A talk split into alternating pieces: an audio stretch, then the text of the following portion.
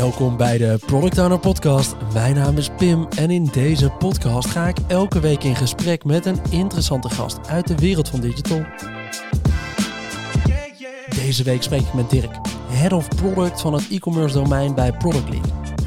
Dirk houdt zich met Product League bezig met het heel snel opbouwen van een team om een specifieke digitale challenge van een bedrijf op te lossen. Dit doen ze met complete teams, inclusief developers, UX'ers en een PO. Voor bedrijven als Plus, DHG en Intratuin. Maar hoe werkt dat eigenlijk als je snel een team moet neerzetten?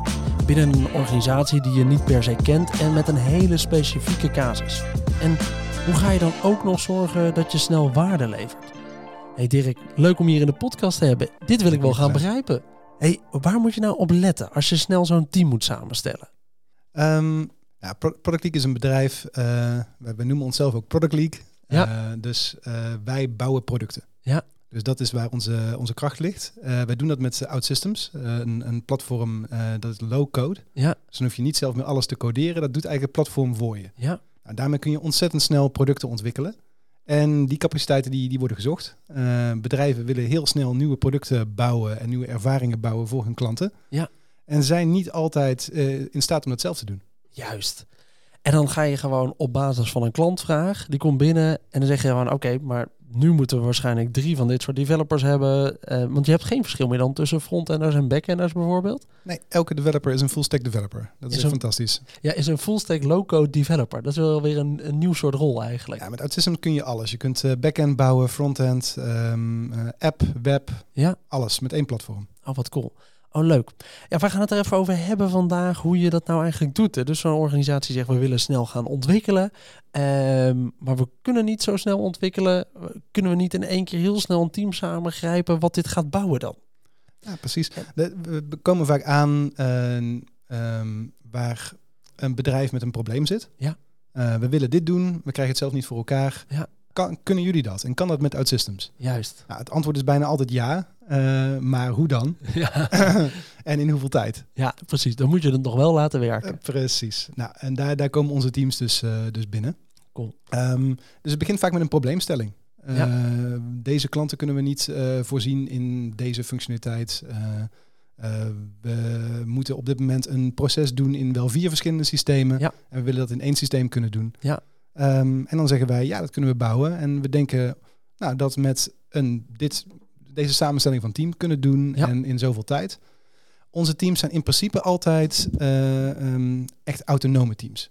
Dus wat wij proberen te leveren is niet alleen maar developers, niet alleen maar detachering. Precies. Wij leveren een team die eigenlijk verantwoordelijk is voor de hele cyclus van idee tot en met uh, delivery en release. Cool. Oké, okay. Gaan we zo eens even verder induiken in, uh, in hoe dat nou eigenlijk zit. Hoe je zo'n team dan samenstelt. Hoe je dat ook in een organisatie gaat achterhalen wat er dan echt specifiek gebouwd wordt. En hoe je dan ook nog eens een keertje waarde gaat leveren in een domein wat je niet kent. Eerst vind ik even leuk om uh, voor de luisteraars ook even een beetje te begrijpen wie zit hier nou tegenover mij. Hoe ben jij zelf in product beland? Leuke vraag, ja. Product is een, is een roeping, uh, denk ik ook wel. En die, die vind je niet direct. Ik ben zeker niet uh, direct in product begonnen. Ja. Ik ben ooit in een grijs verleden begonnen als copywriter. Oh. Toen werkte ik in een digitaal systeem. Ja? Een, een product information management systeem. Ja. En dat vond ik zo leuk, met die digitale flows te werken, dat ik daar al snel functioneel analist van, uh, van werd. En vervolgens van functioneel analist richting projectmanagement. Ja. En vervolgens steeds meer echt product ownership. Ja. Uh, en toen kwam ik ook steeds dichter meer naar de frontend. Dus minder uh, backend informatiesysteem en meer frontend echte user ervaringen bouwen. Ja. Uh, voor mij was dat in e-commerce. dat is ook een, een tak van sport waar ik al die tijd in ben blijven hangen. Dat ja. vind ik ontzettend leuk. Het is zo'n complex probleem met zoveel systemen. Het is een bekend probleem, maar niemand heeft het goed opgelost. Nee. Ja, ondertussen heb ik voor grote bedrijven gewerkt, zoals um, Staples Europa, Ja. Staples Solutions. Precies, Eh, de kantoorartikelen. Precies, Ja. ja. dus 16 verschillende landen, eh, allemaal hun eigen business unit. eh, hele grote website. Vervolgens ben ik naar Adidas gegaan, Oh, cool. ook product owner bij Adidas geweest. Nou, daar, daar nam ik min of meer een sprong in de tijd. Opeens was ik tien jaar verder in ontwikkeling. en konden heel veel dingen die ik eerst niet kon, konden wel. Ja. Dus dan gingen we echt van, nou, bij Staples gingen we al van eens in de drie maanden een release naar eens per maand. Ja. En bij Adidas was het in één klap één keer per dag. Ja. Je en- gewoon release. klaar? Release. Precies, ja. de volgende dag live en meteen eh, de, de value, de incremental value hebben. Ja. Oké, cool. Ja, dus van Adidas ben ik bij Product League terechtgekomen. Ja. Ik, ik vond het bouwen het allerleukste. Ehm, dus ik ben iets minder van het optimization en, en CRO. Dat is een interessante tak van de sport, maar Ja. ik vind het bouwen zelf ontzettend leuk. Dus vandaar dat ik naar Product League ging, waar dat gewoon onze Constant. dagdagelijkse werkelijkheid is. Het bouwen van, eh, van waardevolle producten. Oh, cool. Wat deed je bij Adidas? Wat was daar je rol als Eh, product, product, owner? product owner. Oh, van de, eh, de .com sites Ja, eh, en dan de, de productpagina. oké. Oh, dus dan heb je gewoon alle productpagina's van de webshops van Adidas. Ja, precies. Oh, dat is wel een mooi. Is wel mooi gespecificeerd. Dan is het gewoon die productpagina die moet optimaal werken. Precies. Wat zijn dan verbeteringen die je op zo'n pagina kan doen? Want dat is echt, dat is waarschijnlijk zijn er al een paar mensen vooraf gegaan. Adidas heeft daar helemaal grote agencies voor gehad. Wat ga je dan nog op zo'n pagina doen? Hoe ga je daarop verbeteren? Zijn dat dan, we gaan dit verplaatsen en we gaan dat eh, ver, eh, neerzetten? Ehm, dat zijn van hele kleine dingen van we- waar werkt welke knop het beste op, eh, op de pagina, Ja. tot hele grote dingen. We hebben een herimplementatie van de pagina gedaan Ja. in een nieuwe technologie, TypeScript. Ja. En daarmee werd die pagina de snelste pagina ter wereld. Eh, dus toen waren we tight voor de eerste plaats met Amazon. Ja. En die, eh, die change, die heeft ook echt ongelooflijk veel geld opgeleverd. Toen waren we Ah. zoveel sneller. Eh, de, de KPI die het belangrijkste is op een productpagina is dat je van je productpagina je cart gaat. Ja. Dus de add to cart rate. Ja. Nou, die hebben we toen eh, met 10% omhoog gekregen. Dus dat was echt miljoenen aan waarde. Oh, wat Fantastisch. grappig. Oh, dat zijn wel mooie implementaties om nog eens ook eens aan terug te denken van, hey, dat is cool. Absoluut. En normaal zouden we nu even naar het eh, stukje Product League gaan, maar eigenlijk heb je dat net al best wel goed toegelicht. Eh, Product League, jullie zijn er om met OutSystems eh eigenlijk nieuwe digitale producten te bouwen. En dat voornamelijk in een soort compleet team. Dus met een PO die eigenlijk zijn eigen eh, team samen gaat stellen met, eh, met developers erbij, met een UX'er erbij. En daarmee binnen een organisatie gaat zitten. Ja, en, en test het er ook bij, QA Ja. en, eh, test automation. We proberen echt één team zo autonoom en zo zelfstandig mogelijk te maken. Zodat je echt kan, zo snel mogelijk kan schakelen. Heb je een goed voorbeeld van een casus waar jullie aan hebben gewerkt, die eh, mooi, eh, mooi is geresulteerd, waar dus zo'n team heen ging? Ja, absoluut. Ehm, ik kan een voorbeeld geven van, eh van Co-op bijvoorbeeld. Waar we binnenkwamen met één teampje om één back-end proces te doen. Ja. Dat was de eerste keer dat zij met OutSystems gingen, gingen werken. Dus wij kwamen daar binnen met dus die low-code technologie. Nou, en, en binnen een paar maanden hadden we daar een, een, een MVP neergezet. En dat was eh, ja, verbazend voor zo'n organisatie. Van Ja. wauw, binnen een paar maanden echt een product hebben en we Ja. kunnen het gebruiken. Hoe, hoe kan dat? Dat was voor hun ook de eerste keer van, hey, onze organisatie die van oudsher best wel een beetje traag is. Ja. Langzame projectprocessen. eh duurt lang om te discussiëren, het duurt lang om te bouwen, het duurt lang om te releasen. En in één keer kwam er een team binnen die binnen een paar maanden echt iets van waarde kon, eh, kon opleveren.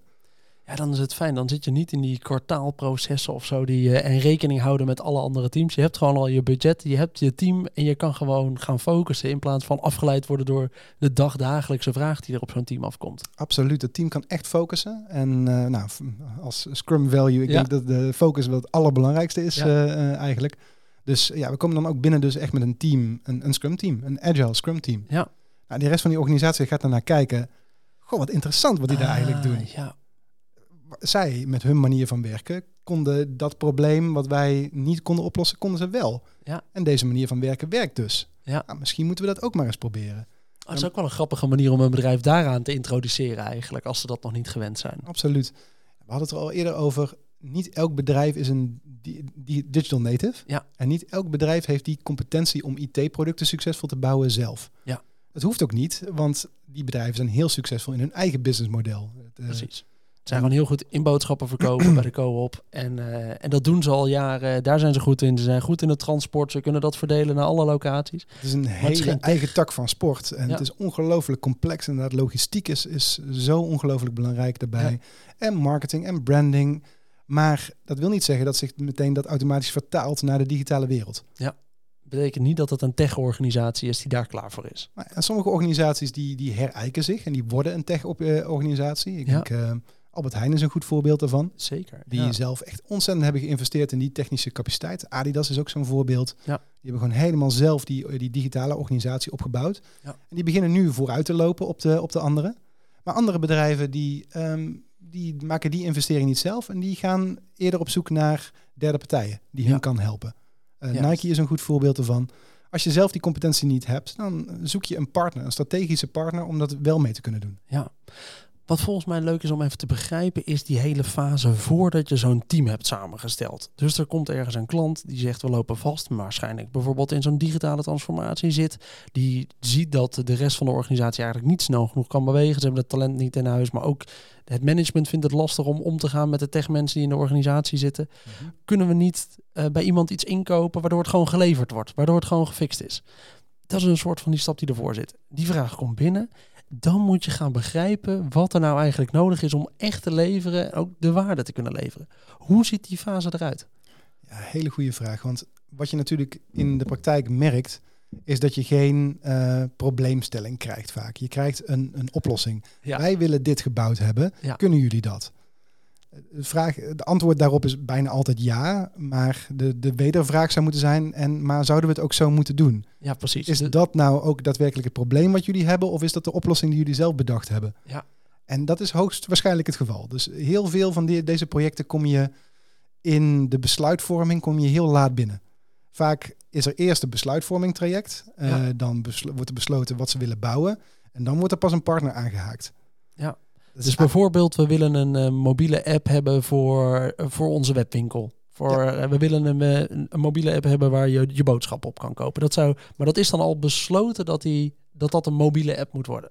bijvoorbeeld bijvoorbeeld, of eh, loyaliteit app of een, een winkelportaal of eh, iets om mensen op de winkelvloer te helpen om hun werk efficiënter te doen. Ja, dat soort zaken. En dat moet dan één app zijn met 15 verschillende tapjes en, en deze functionaliteiten allemaal. En nou, het eerste wat wij dan doen als Product League is samen met de klant gaan kijken, oké, welke problemen liggen hier nou onder? Ja. En dan ga je samen die discovery nog een keer eigenlijk op, een beetje opnieuw doen. Dat is eh, altijd een, een delicaat proces natuurlijk, want je wil niet, hen niet eh, hun business uitleggen, maar Ja. tegelijkertijd wil je ook niet iets bouwen wat uiteindelijk niet waardevol blijkt.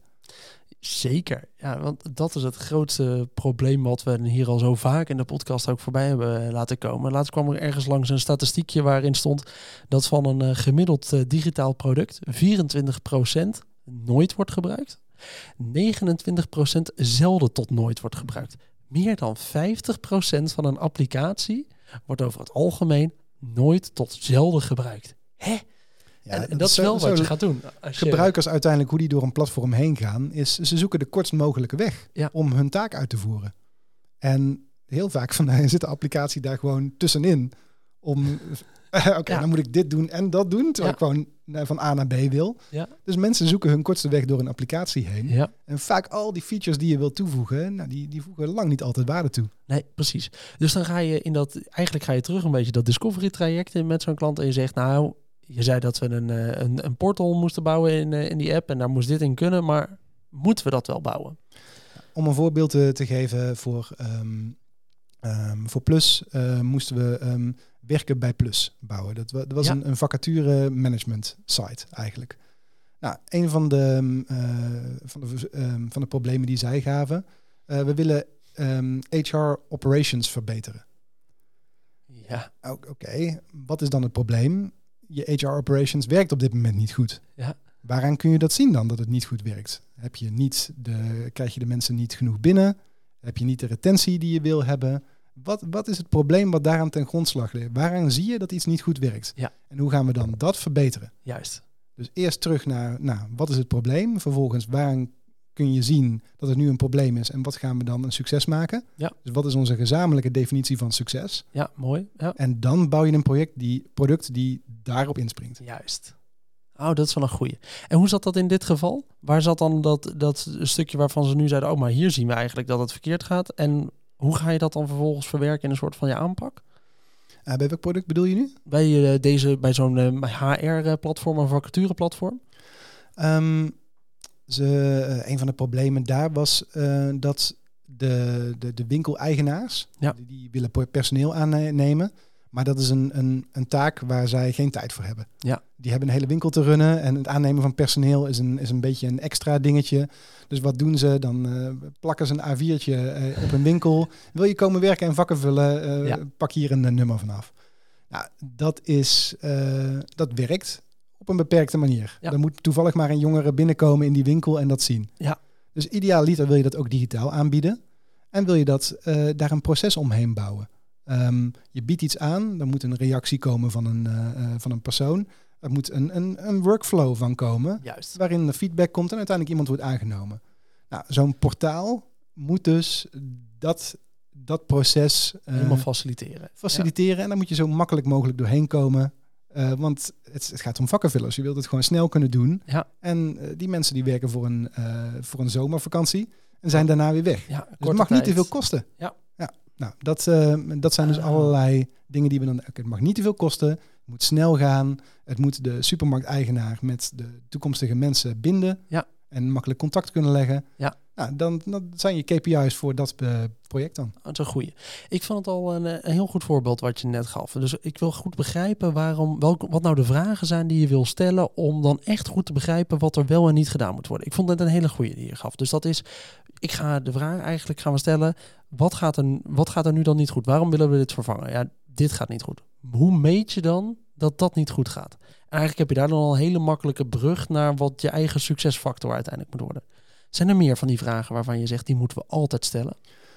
Ja, we, we raken nu aan een, aan een eh, onderwerp wat, eh, wat dicht bij mijn hart ligt. En dat is data-gedreven beslis, besluitvorming. Ja. En dat is nou vaak juist waar bedrijven die, eh, die niet die digitale transformatie goed hebben doorgemaakt, Ja. die lopen vast op het datagedreven besluitvorming. Ze willen iets, maar ze besluiten niet van tevoren waaraan we kunnen zien of we succesvol zijn. Ja. Nou, Bij, bij een Adidas bijvoorbeeld, daar is alles data. Daar, is, daar kun je alles meten van wanneer mensen binnenkomen, hoeveel seconden ze op elke pagina zitten, wat hun conversie door de verschillende funnels heen is. Ja. Dat is allemaal bekend. Vaak een, een bedrijf die, die zelf die digitale competentie niet heeft, die is dat juist hetgene wat je ze aan moet leren. En, en hoe begint dat? Heel simpel. Wat is een probleem? Hoe besluiten we samen dat we daar succesvol in zijn en hoe gaan we dat meten? Ja, Hoe kunnen we nou aan het einde van dit project samen zeggen, ja, we zijn een succes geweest? dit was cool, dit hebben we opgelost. Nou, daar moet je dus op een of andere manier een soort gezamenlijke versie van de waarheid krijgen. Eh, dit is inderdaad jullie probleem, daar zijn we het over eens. Oké, dit is inderdaad een manier om dat te meten, daar zijn we Ja. het over eens. Nou, nu hebben we in één keer iets waar we aan het einde kunnen zeggen, dit is een succes geweest. Ja. En dat ontbreekt er ook vaak. Dan is het een project wat opgeleverd wordt, dan, jee, het project is opgeleverd. Maar we zijn klaar, toch? Ja. Maar wat heeft het nou gedaan? Wat heeft Ja. het opgeleverd? Wat is de incremental revenue? Wat is de cost saving? Wat is de, de tijd die er bespaard wordt in de processen? Juist. Dus er gaat eigenlijk een heel groot stuk van de tijd, als ik het zo begrijp, van zo'n traject zitten in die voorfase. In dit echt goed begrijpen, die klantcasus neerzetten, daar de juiste vragen in stellen, maar ook daarmee inzichtelijk maken, dit zijn dan onze succesfactoren. Hierop gaan we meten. Ja, zoveel tijd valt, het, valt ook wel weer mee. Ja, Want dit, dit proces hoeft niet ontzettend lang te duren. Er is een deel pre-sales natuurlijk. Maar als een team begint, dan beginnen we met een sprint nul. Eh, Ja. het, het team begint, uh, nou, uh, überhaupt natuurlijk moet een backlog gevuld worden. Dus dat moet je in een sprint nul doen. Ja. Maar je moet ook goed begrijpen wat nou de problemen zijn. En waar we succesvol in gaan zijn. Dus dat is onze sprint nul. Als we binnenkomen, uh, je hebt dingen als een Jira-board opzetten. En ja. gewoon mensen ontmoeten en even connecties leggen. En je hebt gewoon samen heel goed begrijpen wat gaan we nou bouwen en waarom bouwen we het. Ja. Um, nou, en dan begin je de backlog te vullen, dan ga je naar sprint 1 en dan begin je daadwerkelijk te bouwen. Juist. Wij proberen altijd een MVP te, te maken. Dus we proberen altijd zo snel mogelijk de eerste waarde op te leveren. Ja. Want dan kun je ook iets demoen aan mensen. Is dit wat jullie bedoelden? Ja, een beetje. Ja. Maar dit, dit doet het niet. En dat doet het huidige systeem ook al niet. Dus uh, dat vind ik helemaal niks. Ja. Wat fijn dat je dat zegt. Wat fijn dat we nu besloten hebben dat dit niet precies is waar we naar op zoek waren. Dat dachten ja. wij namelijk wel. Ja. Nou, de volgende sprint gaat het er anders uitzien. Juist. Ah, ik denk dat dat een mooie manier van benaderen is. Wat ik ook wel zou willen begrijpen is, nou, hoe is dat nou voor bedrijven? Dus die zitten intern in het scenario. Laten we zeggen bijvoorbeeld een, een bepaalde supermarktketen, een, een co-op of een plus, die zegt, nou, we intern hebben we gewoon, we zijn geen tech-organisatie, dus we willen dit ook gewoon ergens vandaan halen. Maar intern zitten ook wel waarschijnlijk gewoon developers die wel aan het werk zijn, want ze hebben een soort vaste ploeg aan interne mensen. En je komt daar eigenlijk binnen met een soort het hero for hire team. Wij gaan het oplossen. Krijg je dan veel tegendruk vanuit een organisatie? Het, het schuurt vaak wel. Dat uh, uh, je bent de eerste, je bent een soort vooruitgeschoven post van digitale transformatie. Ja. Met andere woorden, jouw, jouw change uh, pace ja. is veel hoger. Ja. En, en dan wil je allemaal dingen. Dan wil je in één keer een integratie. En dan wil je dat die in twee weken opgeleverd is. Want anders staat jouw team te wachten. Ja. Ja, dat, dat bot natuurlijk wel eens met de belangen van de andere organisatie, die vaak trager bewegen, um, tragere release cycles hebben. Ja. Ehm, dat, uh, dat is Die- interessant. Die bestaat wel. Ja, Ook die, die manier van werken, eh, project versus product. Ja. Vaak kom je in een organisatie binnen die nog echt projectgedreven is. Dus een, een zware PMO-structuur eh, heeft, Project Management ja. Office.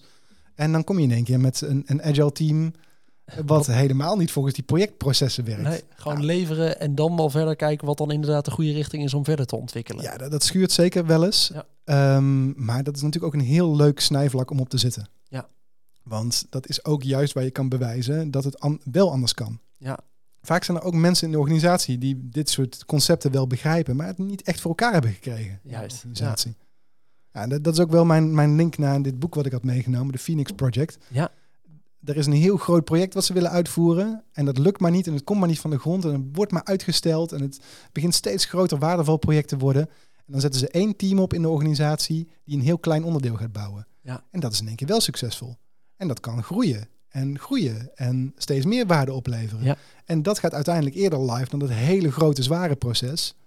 Want die zijn op kleine iteraties ge- gericht. Ja. Die hebben wel tien successen in de tijd dat het andere nog niet één succes heeft opgeleverd.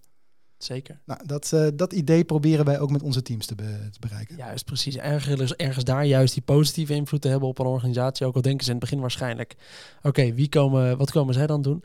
Het lijkt me gewoon heerlijk inderdaad, als je binnen een organisatie zit die je overal afhankelijkheden en onderhoud en dat soort dingen. En daar, ja, die worden gewoon geremd. En dat is echt wel vervelend voor zo'n team. Maar je, nu mag je gewoon nieuw bouwen. Dit gaan we gewoon leveren. We moeten wel koppelen, dus we zijn wel ergens hebben we afhankelijkheden. Maar we gaan gewoon MVP bouwen en daarop door itereren. Zeker. Ja. Dat is wel een leuke manier. Hoe gedetailleerd maak je nou zo'n plan als je gaat opleveren? Dus eh, nou, stel we pakken weer even zo'n HR-platform erbij. Hoe gedetailleerd ga je van tevoren uitwerken, dit moeten we leveren? Of zeg je inderdaad, we gaan puur itereren en we zetten gewoon, dit is de scope naar de MVP toe en daarna kijken we wel verder. Wederom een speelveld. Eh, sommige bedrijven zullen heel gedetailleerd een precies plan van aanpak eh, vragen van tevoren. Ja. En dan zeggen wij meestal van, nou, hier kunnen we proberen iets aan te doen. Ja, Maar realistisch gezien werkt het zo niet in de echte wereld. Ja. Dan zijn we echt projecten aan het denken. Alle features van tevoren bekend. Dat gaan we opleveren. We zeggen, oké, dat kost ons zoveel tijd. Nou, dat is onze opleverdatum. Dan leveren we dat op en dan zijn we klaar. Daarom heten wij Product League. Wij, wij denken dat dat niet de juiste manier van werken is. wij, wij precies. denken vanuit een productmethodologie. Ook als je een project opgeleverd hebt, dan heb je een product live. Dan is niet het eindpunt van dat product. Dan Nee. is het beginpunt van een product. Dus zo snel mogelijk wil je naar live komen. Ja. En echte feedback van klanten op kunnen halen. En dan wil je itereren. Eh, dus wij proberen een, een soort gulden middenweg te vinden. Aan de ene kant kun je ook niet zeggen... ja, we doen wel wat en jullie, jullie zien wel wat er uitkomt na, eh, na drie maanden. precies. Je moet wel op een of andere manier ehm, vertrouwen geven van... je kunt daadwerkelijk iets op, eh, opleveren. Ja. Maar idealiter als we binnenkomen... leveren we niet na drie maanden pas wat op, maar na twee weken. Na Juist. de eerste sprint is er al iets om te Iets kijken. wat zichtbaar is. Ja. Precies, en na een maand heb je een, een, een outline van een product. Oké, nou dan kunnen we dan gaan. Dus je begint vanaf het midden en bouwt dan uit. Je gaat niet van A tot Z bouwen, maar je begint in het midden en bouwt uit net zolang tot je het punt bereikt waar je klaar Ja, bent voor een soort release. satisfaction en dan hebben we, dan kunnen we releasen. Oh ja, dat snap ik wel. Ja, ik snap dat die vraag, die verwarring zal er vaak zijn. En we huren een externe club in, dus die komen gewoon even dit bouwen en dat opleveren. Ja. Nee, ze komen dit helpen neerzetten en dan moeten we het gaan draaien. Want borg je het op een gegeven moment in zo'n organisatie? Is het, we hebben het nu wel opgeleverd, doorontwikkeld. We zijn nu eh, zes iteraties live. Eigenlijk hebben we gewoon een functioneel product. Ga je het dan borgen in een organisatie of ga je het zelf blijven draaien met dat team? Dat, dat verschilt per organisatie. Dus eh, sommige organisaties die hebben zelf ook veel development capaciteit in huis. Ja. Nou, dan draag je het over naar functioneel beheer. Eh, maar wat wij vaak doen binnen Product League is dat wij ook het beheer doen. Ja. En eh, de, we hebben daarin het concept van een digitaal fabriekje, Digital Factory. Ja, je bouwt een product op en, een, en een team op. Dat team is volledig capabel om dat product te runnen. Ja. Dus ook wederom echt autonoom.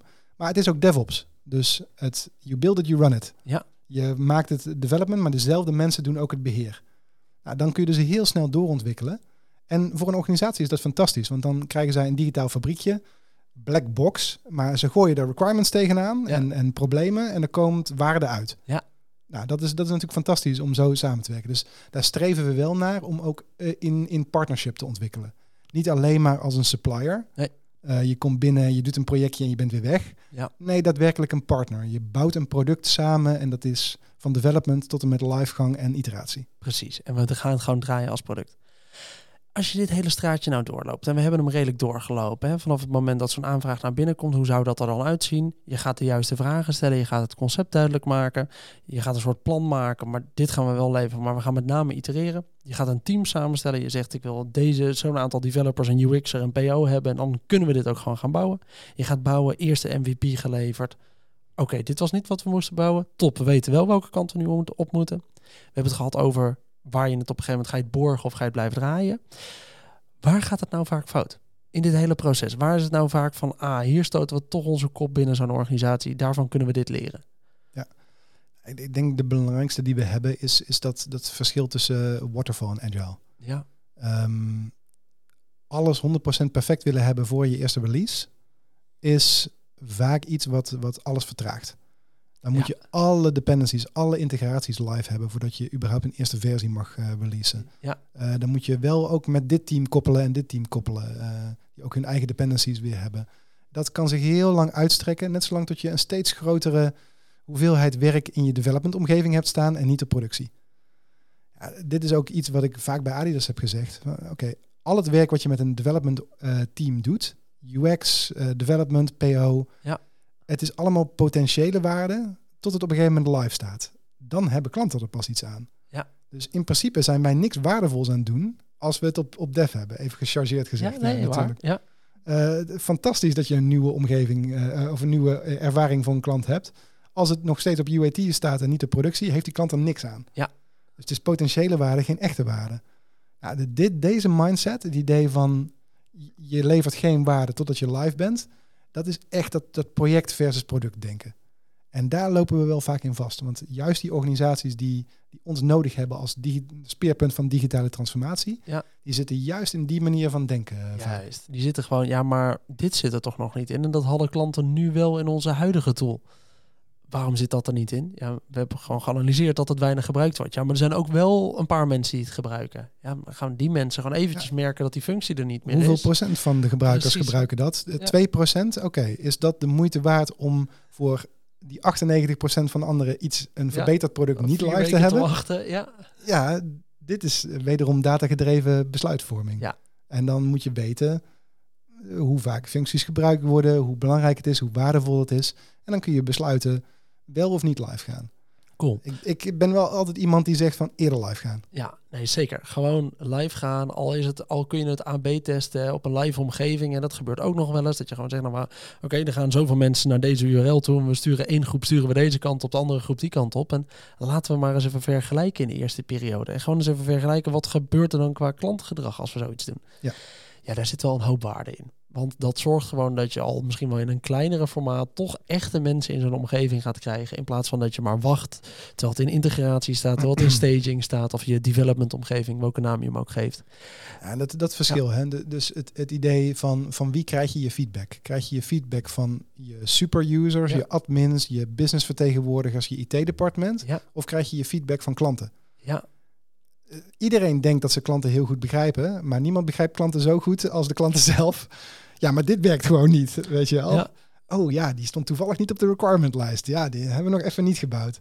We, we hebben eerder een aflevering opgenomen met de Ruben de Boer over CRO en uh, eigenlijk het testen in je teams. Hij gaf aan dat het gemiddelde staartje is dat 75% van de experimenten bij klanten niet het geleverde resultaat geeft die ze verwachten. 25% doet dat wel.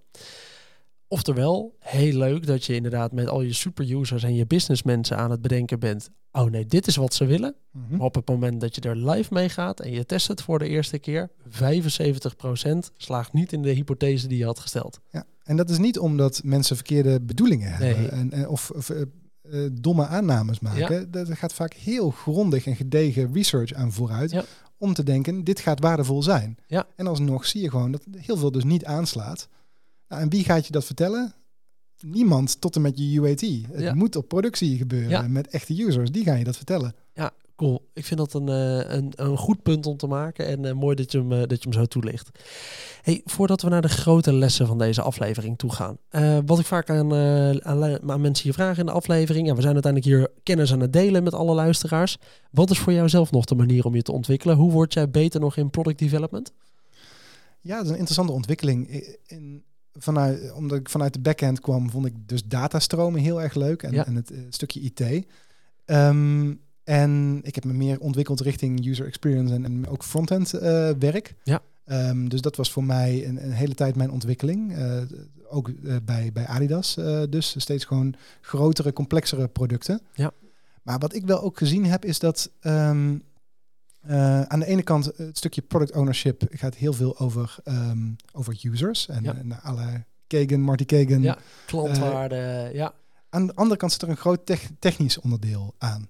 En je ziet heel veel van de, van de echte succesvolle product managers, die zijn oud-engineers bijvoorbeeld. Ja, Die gewoon een, een intuïtief begrip hebben van ook wat feasibility is. En daar zit natuurlijk die sweet spot van, van product management. Aan Juist. de ene kant value, de andere kant feasibility. Ehm, dus ik probeer me in, aan twee kanten te ontwikkelen. Aan de ene kant eh, het stukje ehm, users business. ja. En aan de andere kant toch ook het stukje technologie. Dat niet uit het oog verliezen.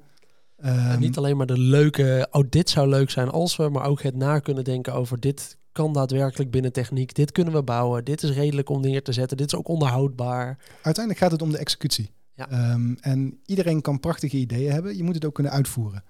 En hoe sneller je het uit kan voeren, hoe sneller het op productie staat en het waarde voor een klant oplevert. Ja. Dat is een heel groot onderdeel eh, daarvan. Dus ik ben zelf ook ontzettend geïnteresseerd in, in DevOps en, en dat soort bewegingen. Ja. Gewoon wat zijn de, de, de beste lessons learned van succesvol digitaal producten maken Ehm, en, en IT-management. Dat vind ik ook een heel eh, belangrijk onderdeel. Cool. En verder, ik groei vanuit product ownership ook eh, nu dus richting head of product. Ja. Dus het, het idee hebben van ons product wat we nu hebben gebouwd is herhaalbaar. Daar zouden we meer mensen gelukkig mee kunnen maken. Nou, dan het verproducten van een, eh, een product wat ooit een project was. Ja.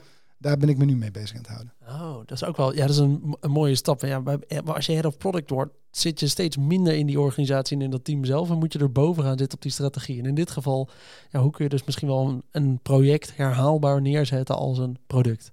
Inderdaad. Cool. Laten we even gaan naar de grote lessen. Ehm, als we nou mensen een tip willen geven naar aanleiding van deze aflevering. Dus je bent eh, als product owner bezig met jouw teams en je loopt een beetje vast in hoe je nou soms eh, ook nog wel even wat snelheid kan maken. Wat is dan de tip die we mensen willen meegeven? Ik denk dat je als product owner aan de ene kant heb je je, je team. Ja. Aan de andere kant heb je ook wat je- eh, jouw team betekent voor de organisatie Ja, waarin je zit. En ik denk dat dat een, een belangrijke is ook om in de gaten te houden. Wat, eh, hoe kijkt een organisatie naar jou? Ben jij een agent van digital transformation? Dat ben je bijna altijd. ja, Zelfs in een bestaande organisatie. Want jij bent degene die dingen, dingen uit kan voeren. Ja. Dus die extra verantwoordelijkheid om daar wat gevoeligheid voor te hebben. eh, en dat gaat ook weer over change management. Ja. Hoe neem je nou mensen mee in een nieuwe ontwikkeling? Het gaat over, ook over adoptie. Hoe krijg je daadwerkelijk je users dat ze jouw systeem willen gebruiken? Ja. Ehm, dat zijn allemaal onderdelen van zo'n digitale transformatie. Ik denk dat dat ook een onderdeel is van het werk als PO. precies.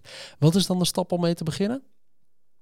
Wat is de eerste stap die je hierin moet zetten? De eerste stap is samen met een klant of je stakeholder samen besluiten wat zijn de problemen die we oplossen. Ja.